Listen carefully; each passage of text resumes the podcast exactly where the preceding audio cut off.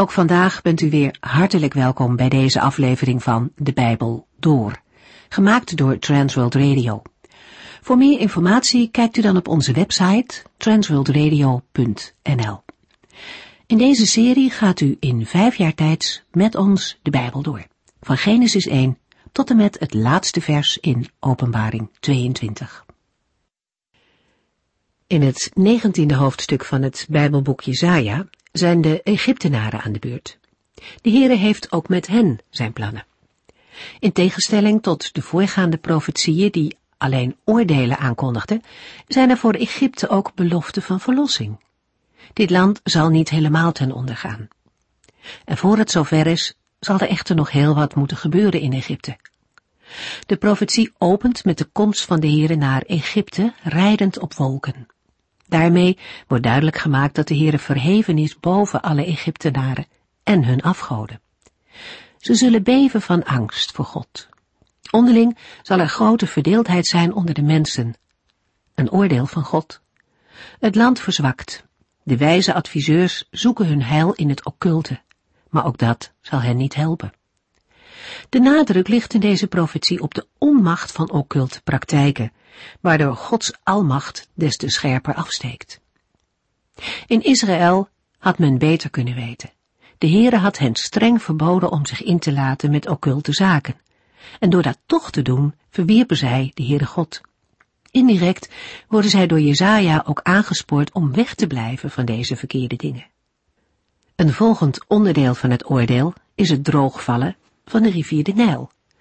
Alles in Egypte stond in verband met goden. Zo werd ook de Nijl als een geschenk van goden gezien.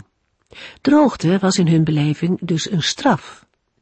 Het sterke Egypte wordt tot de grond toe afgebroken. In het vervolg doet Jezaja vijf uitspraken waarmee hij beschrijft hoe Egypte verandert. Van een volk dat siddert van angst komt er een tijd waarin het een volk van de Heere God wordt. Het zijn uitspraken met een historische betekenis, maar tegelijkertijd gaan ze daar ook bovenuit en wijzen ze naar de toekomst. Er komt een tijd dat dit volk ook rust zal vinden bij de Heere. Wanneer zij zich tot hem omkeren, dan zal hij hen aannemen als een eigen volk, waarbij Israël dan toch zijn eigen speciale plaats behoudt. Nadat Babel in Jesaja 13 vers 1 tot en met 14 vers 23 uitgebreid is besproken, komt het koninkrijk in Jesaja 21 weer aan de orde. Daarna zijn er profetieën over Douma of Edom, Arabië en Jeruzalem. Vermoedelijk ligt de samenhang in het gezamenlijk streven zich te verzetten tegen de Assyriërs. De profetie over Jeruzalem in Jesaja 22 loopt uit op een boodschap aan hofmaarschalk Sepna en Eljakim en gaat over vertrouwen op de Here of op mensen. De achtergrond van de volgende profetieën is de periode waarin Hiskia in opstand komt tegen de Assyrische overheersing en een verbond probeert te sluiten met de opkomende grootmacht Babylonië. Jesaja 21 vers 1 Dit is Gods profetie over Babel. Het onheil komt als een stormwind over u heen, vanuit de angst aanjagende woestijn, als een wervelwind uit de Negev-woestijn. De titel van de profetie is moeilijk. In de Hebreeuwse tekst staat dat het een last is, dat wil zeggen, een profetische uitspraak. Het is een last over de woestijn aan de zee. Wat wordt daarmee bedoeld? Er is een Akkadische uitdrukking land bij de zee, die een specifiek gebied rond de Perzische Golf aanduidt. Een gebied met moerassen tussen de Tigris en de Eufraat. Merodach Baladan komt hier vandaan. Waarschijnlijk doelt Jezaja op dat gebied. In de vertaling van het boek aangeduid met Babel. Er wordt iets aangekondigd, maar wat of wie het is, wordt niet gezegd. Wel waar het op lijkt, namelijk op een stormwind uit de Negev-woestijn. Met name in de winter kan het plotseling geweldig stormen in Israël. De stormen trekken met enorme kracht vanuit het zuiden door het land. Even vreselijk als die stormen komt er iets uit een vreselijk land vanuit de woestijn. De manier van spreken roept een angstige nieuwsgierigheid op. Waar heeft de profeet het over? Jesaja 21 vers 2 Ik zie een dreigend visioen. Het is vreselijk om te zien. God vertelt mij wat hij gaat doen. Ik zie u, geplunderd en vernietigd. Elamieten en Meden zullen deel hebben aan de overwinning. Babel zal vallen en het gekerm van de volken die het onderdrukte zal ophouden. Jezaja geeft aan dat Babel wordt aangevallen. Hij gruwt van de beelden van verraad en verwoesting. Elam en Medië worden opgeroepen strijd te voeren tegen Babel of tegen de aanvaller Assyrië. Andere schrijvers van latere tijd gebruiken voor Elam de naam Perzië, maar Elam was de gebruikelijke naam in de achtste eeuw. Elam en Medië waren volken die in de Iraanse hooglanden leefden en aan het einde van de achtste eeuw voor Christus actief werden in Mesopotamië. Een eerdere vermelding van Elam lezen we in Genesis 14. Over de Meden lazen we ook in Jesaja 13 vers 17. Elamieten en Meden zijn het instrument in Gods hand. De Heere maakt een einde aan het zuchten, dat wil zeggen aan het klagen en steunen, als gevolg van de onderdrukking en aanvallen van de Assyriërs. Jesaja's reactie op het visioen is lichamelijk en emotioneel. De val van Babel betekent een enorme teleurstelling voor zijn eigen volk Juda, want de grootmacht waarop het vertrouwt, blijkt het vertrouwen niet waar te kunnen maken. Tegelijk zal de val van Babel ook veel slachtoffers met zich meebrengen. Jesaja 21 vers 3 en 4 Mijn maag komt in opstand en brandt van pijn, pijn als van een barende vrouw. Mijn benen worden slap als ik hoor wat God van plan is. Ik krimp ineen, verblind door angst. De schrik overvalt mij en mijn hart bonst als een razende. De schemering, waarvan ik vroeger zo genoot, maakt mij nu bang. Voor het woord maag staat in de Hebreeuwse tekst lendenen. De lendenen zijn de plaats van de intieme gevoelens en daarom geeft de siddering in de lendenen de ernst van Jezaja's reactie aan. Het is meer dan een beetje buikpijn. De hevigheid wordt onderstreept door de vergelijking met de weeën van een barende vrouw. De laatste twee versdelen kunnen op twee manieren worden uitgelegd. De profeet is zo aangedaan dat hij niet meer kan horen en zien, of zijn reactie is het gevolg van het horen en zien ervan. Beide opties zijn mogelijk en passen goed in de context. Het hart is de plaats van de gedachte, maar het kan hier ook letterlijk zijn bedoeld. Mijn hart bonst als een razende. Het visioen heeft hem zo aangegrepen dat hij er lichamelijk door is aangeslagen. De zin de schemering waarvan ik vroeger zo genoot, maakt mij nu bang, is moeilijk te duiden. Is het letterlijk het invallen van de avond, die aan het einde van een werkdag ontspanning brengt? Of is de uitspraak figuurlijk en moet er gedacht worden aan het einde van een buitenlandse overheerser? Jezaja verwoordt dat waar hij zo naar had verlangd, heel anders zal zijn. Hij schikt ervoor terug. Jezaja 21 vers 5 Kijk, zij maken alles klaar voor een feestelijke maaltijd. Ze dekken de tafel met voedsel en schuiven hun zetels bij om te gaan eten. Snel, snel, grijp uw schilden en maak u klaar voor de strijd. U wordt aangevallen. Het beeld dat Jezaja geeft, doet denken aan de feestelijkheden voorafgaand aan de val van Belsazar in Daniel 5. Er wordt feest gevierd, zonder te beseffen dat de vijand de stad binnenkomt. Terwijl Jezaja de schrik lijfelijk ervaart, blijken de Babyloniërs onbezorgd. De Babyloniërs zijn met de verkeerde voorbereidingen bezig. Ze richten zich op eten en drinken. Maar als de vijand voor de poort staat, zijn ze niet klaar om zich goed te verdedigen. De plotselinge wending halverwege vers 5 sluit goed aan bij de wanhoop van de Babyloniërs en bij een onverwachte aanval. Het is een gebruikelijk beeld van het oordeel. Iedereen is zo met het eigen belang bezig, dat het oordeel over de zonde niet meer kan worden vermeden. Vers 5 leest alsof het een ooggetuigenverslag is van de vernietiging van Babylon. Het werd alleen 200 jaar eerder opgeschreven door Jesaja. Toen al heeft de Heere voorzegd dat het zou gebeuren.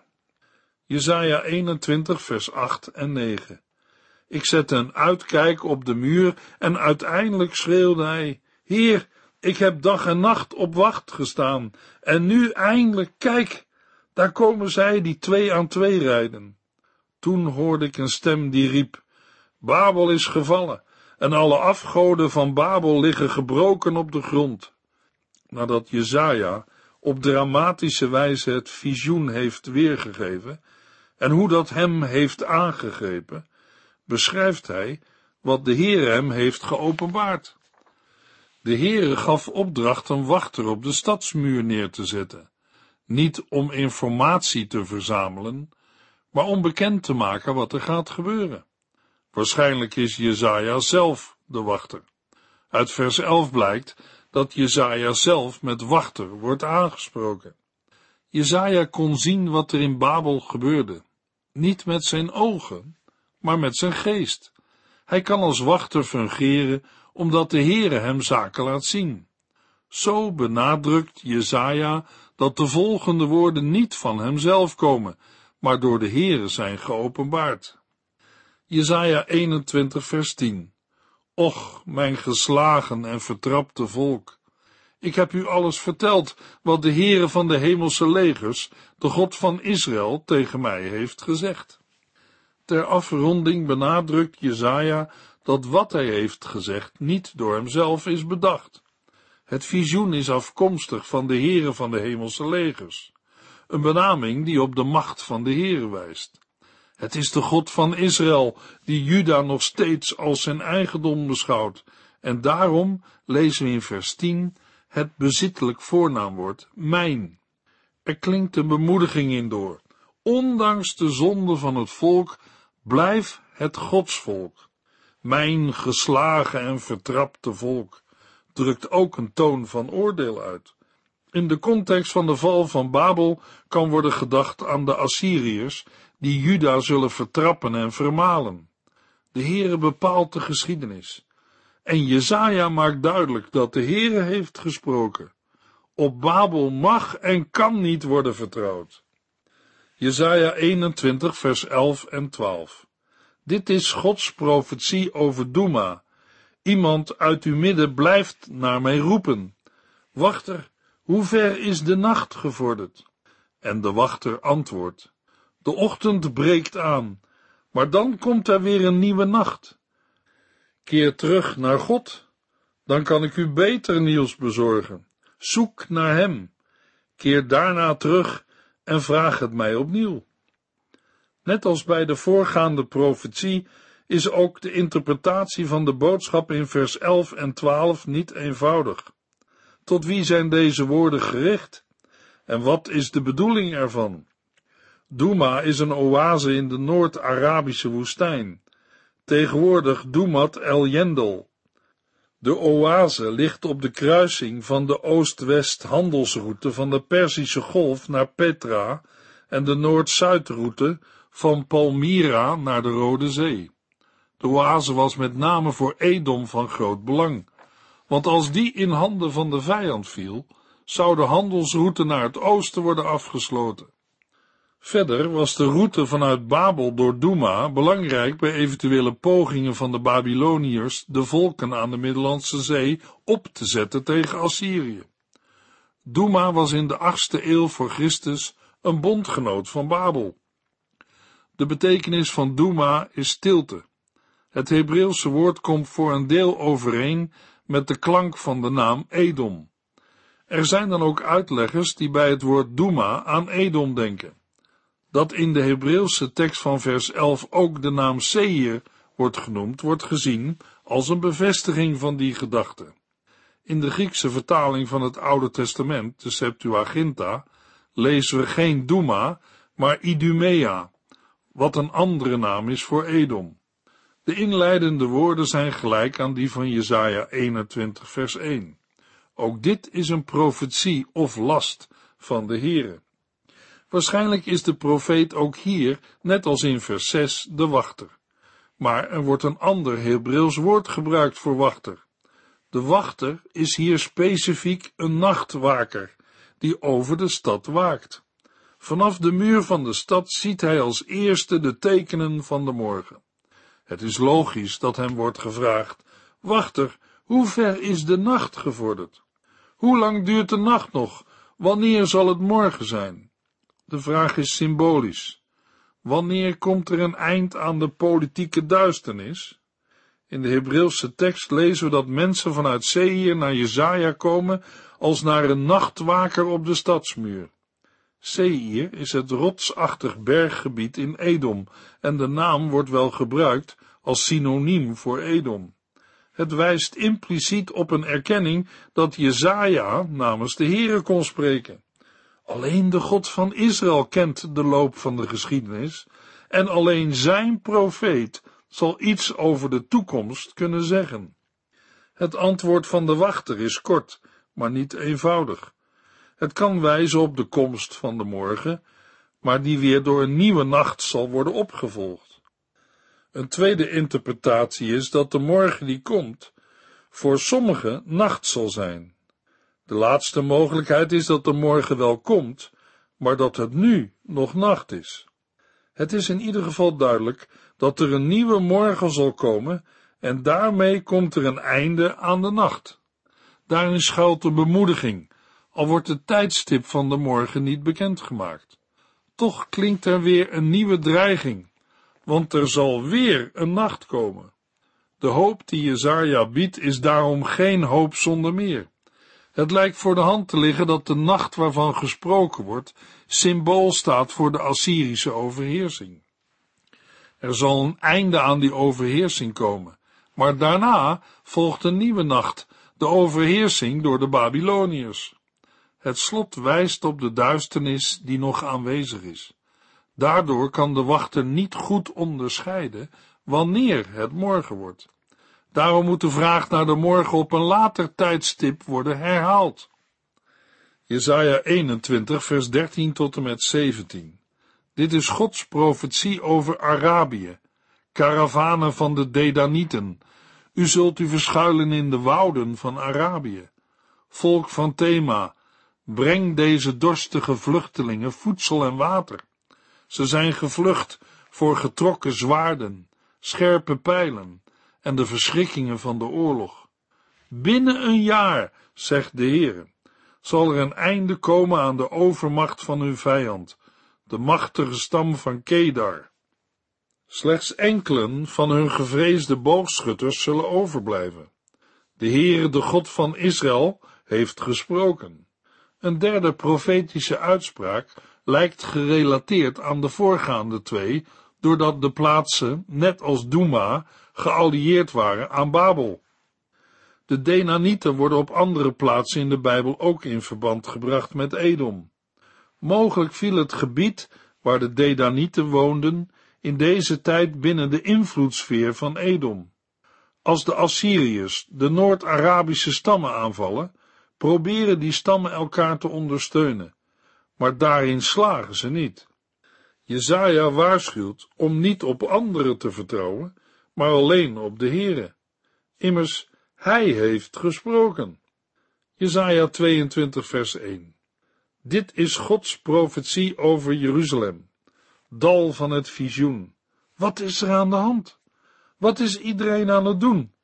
Waarom rennen ze de daken op en waar staan ze naar te kijken? Na de profetieën over Egypte, Babel, Douma en Arabië volgt het oordeel over Jeruzalem. Het is vreemd om Jeruzalem in een dergelijke opsomming te zien. Het gebeurt waarschijnlijk omdat de stad haar vertrouwen niet op God stelt, maar uitgaat van eigen kracht en een alliantie met Babel. Daarmee verlaagt Jeruzalem zich tot de positie van de omringende volken. Jesaja 22 is opgebouwd uit twee delen. Jesaja 22 vers 1 tot en met 14 met het oordeel over Jeruzalem en Jesaja 22 vers 15 tot en met 25 over de positie van Sepna en Eljakim, leden van de hofhouding van Hiskia. In het tweede deel wordt het algemene oordeel van het eerste deel toegepast op een concrete situatie. Het volk is niet bereid op de Here te vertrouwen, maar zoekt eigen oplossingen, en daarvan zal het de gevolgen dragen. In Jesaja 22 vers 1 tot en met 14 wordt het oordeel over Jeruzalem geprofeteerd. Als Jesaja begint met dal van het visioen, doelt hij sarcastisch op het gebrek aan visie dat er in Jeruzalem is, ondanks de vele visioenen die de profeten doorgaven.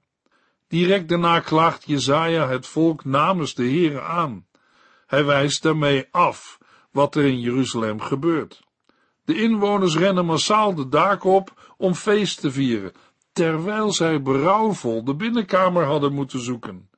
Jeruzalem is in opschudding. Wat is er mis in deze rumoerige en uitgelaten stad? Er is geen reden voor vreugde. Velen zijn gesneuveld. De aanvoerders hebben het verkeerde voorbeeld gegeven. Ze zijn gevlucht uit angst het leven te verliezen. Maar dat vluchten heeft geen succes gehad. Ze zijn als lafaards gestorven of zonder slag of stoot door de vijand gevangen genomen. Jezaja voorziet het einde van Jeruzalem en trekt zich terug in verdriet. Jezaja 22 vers 4 Laat mij alleen, dan kan ik huilen. Probeer niet mij te troosten, laat mij huilen om de ondergang van mijn volk. Het toekomstbeeld is te verschrikkelijk. De troost die Jezaja nu afwijst, wordt door hem later aan mijn volk, het volk Israël, verkondigd. Jeruzalem zal worden aangevallen door een internationaal leger. Daarop wijst de vermelding van Elam en Keer, die onderdeel uitmaken van het leger van de Assyriërs. De Assyriërs hadden de gewoonte om van de onderworpen en geallieerde volken soldaten te eisen en die in te zetten in hun oorlogen. Elam stond bekend om zijn boogschutters. Die kwamen niet alleen te voet, maar ook in strijdwagens om snel te kunnen toeslaan. De troepen uit Keer geven met het ontblote schild aan klaar te zijn voor de strijd. Het schrikbeeld wordt nog sterker neergezet. De mooie dalen vullen zich met strijdwagens, de ruiters vatten post bij de poort. De machteloosheid van het volk wordt duidelijk. Waarom? Jesaja 22 vers 8 tot en met 11. God heeft zijn beschermende zorg teruggetrokken. U rent naar het arsenaal om wapens te halen. U inspecteert de muren van Jeruzalem om te kijken of er nog iets moet worden gerepareerd. U keurt de huizen en laat er enkele slopen om aan stenen voor het herstel van de muren te komen. Tussen de stadsmuren bouwt u een reservoir voor het water van de laagst gelegen bron. Maar al uw koortsachtige activiteit zal nutteloos zijn, want u vraagt God niet eenmaal om hulp, hoewel hij u dit aandoet. Hij heeft zich dit al lang geleden voorgenomen. In al deze maatregelen vergeet het volk dat het zelf de dreiging niet kan wegnemen. Het zoekt naar oplossingen die menselijkerwijs logisch zijn, maar het vergeet de Heere. Het volk had inkeer kunnen tonen door uiterlijke tekenen van rouw, huilen, rouwen, kaalscheren en het dragen van een rouwkleed. Als de inkeer niet met deze tekenen gepaard gaat, is ze oppervlakkig en leeg. Op echte bekering zal de Heere altijd reageren. Maar in plaats van berouw is er zang en dans. De uitspraak wat maakt het nog voor verschil, morgen zullen wij sterven, toont een fatalistische en spottende houding. Iedere vorm van inkeer, discipline, opoffering of berouw is afwezig en ontbreekt. Jezaja maakt duidelijk dat het niet zijn eigen woorden, maar woorden van de Heere zijn. De boodschap komt uit betrouwbare bron en zal werkelijkheid worden. Er wordt gezocht naar menselijke oplossingen, maar niet naar de Heere. In vers 15 neemt de profetie een wending. Jezaja krijgt opdracht Sepna, de hofmaarschalk, op te zoeken en hem een paar scherpe vragen te stellen. Jezaja 22 vers 16 Wie denkt u wel dat u bent, dat u deze prachtige grafkamer voor uzelf in de rotsen laat uithakken? Sepna bouwde een grafkamer om zijn naam te vereeuwigen, maar dat is zinloos, omdat hij zou sterven en worden begraven in een vreemd land. Het optreden van Sepna was in strijd met de wil van de Heere. Met name tijdens de regering van de gelovige koning Hiskia viel het uit de toon. Over het einde van Sepna is niets bekend, maar Jezaja stelt dat hij zijn positie zal verliezen. In Jesaja 22 vers 20 tot en met 25 volgt een boodschap over Eljakim. Eljakim wordt door de Heere geroepen en krijgt hier de erenaam mijn dienaar. Een aanduiding die een verplichting en een privilege uitdrukt. Eljakim zal tot een betrouwbare steunpilaar van mijn volk worden gemaakt. Stevig verankerd zal hij zijn familie eer brengen en geen schande, zoals Sepna. Maar de familie wil profiteren van Eljakims positie en macht. Eljakim wordt verleid tot vriendjespolitiek. En wat is het gevolg? Jesaja 22 vers 25. Maar de Heere zal die steunpilaar, die zo vast in de grond verankerd lijkt te zijn, eruit trekken. Hij zal losraken en omvallen en alles wat erop steunt, zal met hem vallen, want de Heere heeft gesproken. Steeds weer geeft Jezaja aan dat hopen op mensen faalt en dat het volk zijn vertrouwen op de Heere, de God van Israël, moet stellen. Luisteraar, wat doen wij? Vertrouwen wij de Heere? In de volgende uitzending lezen we Jezaja 23. U heeft geluisterd naar De Bijbel Door, in het Nederlands vertaald en bewerkt door Transworld Radio. Een programma waarin we in vijf jaar tijd de hele Bijbel doorgaan. Als u wilt reageren op deze uitzending of u heeft vragen, dan kunt u contact met ons opnemen. Tijdens kantooruren kunt u bellen op 0342 478432. 0342 478432. Ook kunt u een e-mail sturen naar de door at transworldradio.nl en natuurlijk kunt u ook via de post ons bereiken. TWR, postbus 371, postcode 3770, AJ in Barneveld. Dit programma werd gepresenteerd door Cor Weda en Ike André. Techniek was in handen van Odin van Voorkom. En wij allemaal bedanken u voor het luisteren. Graag tot de volgende keer.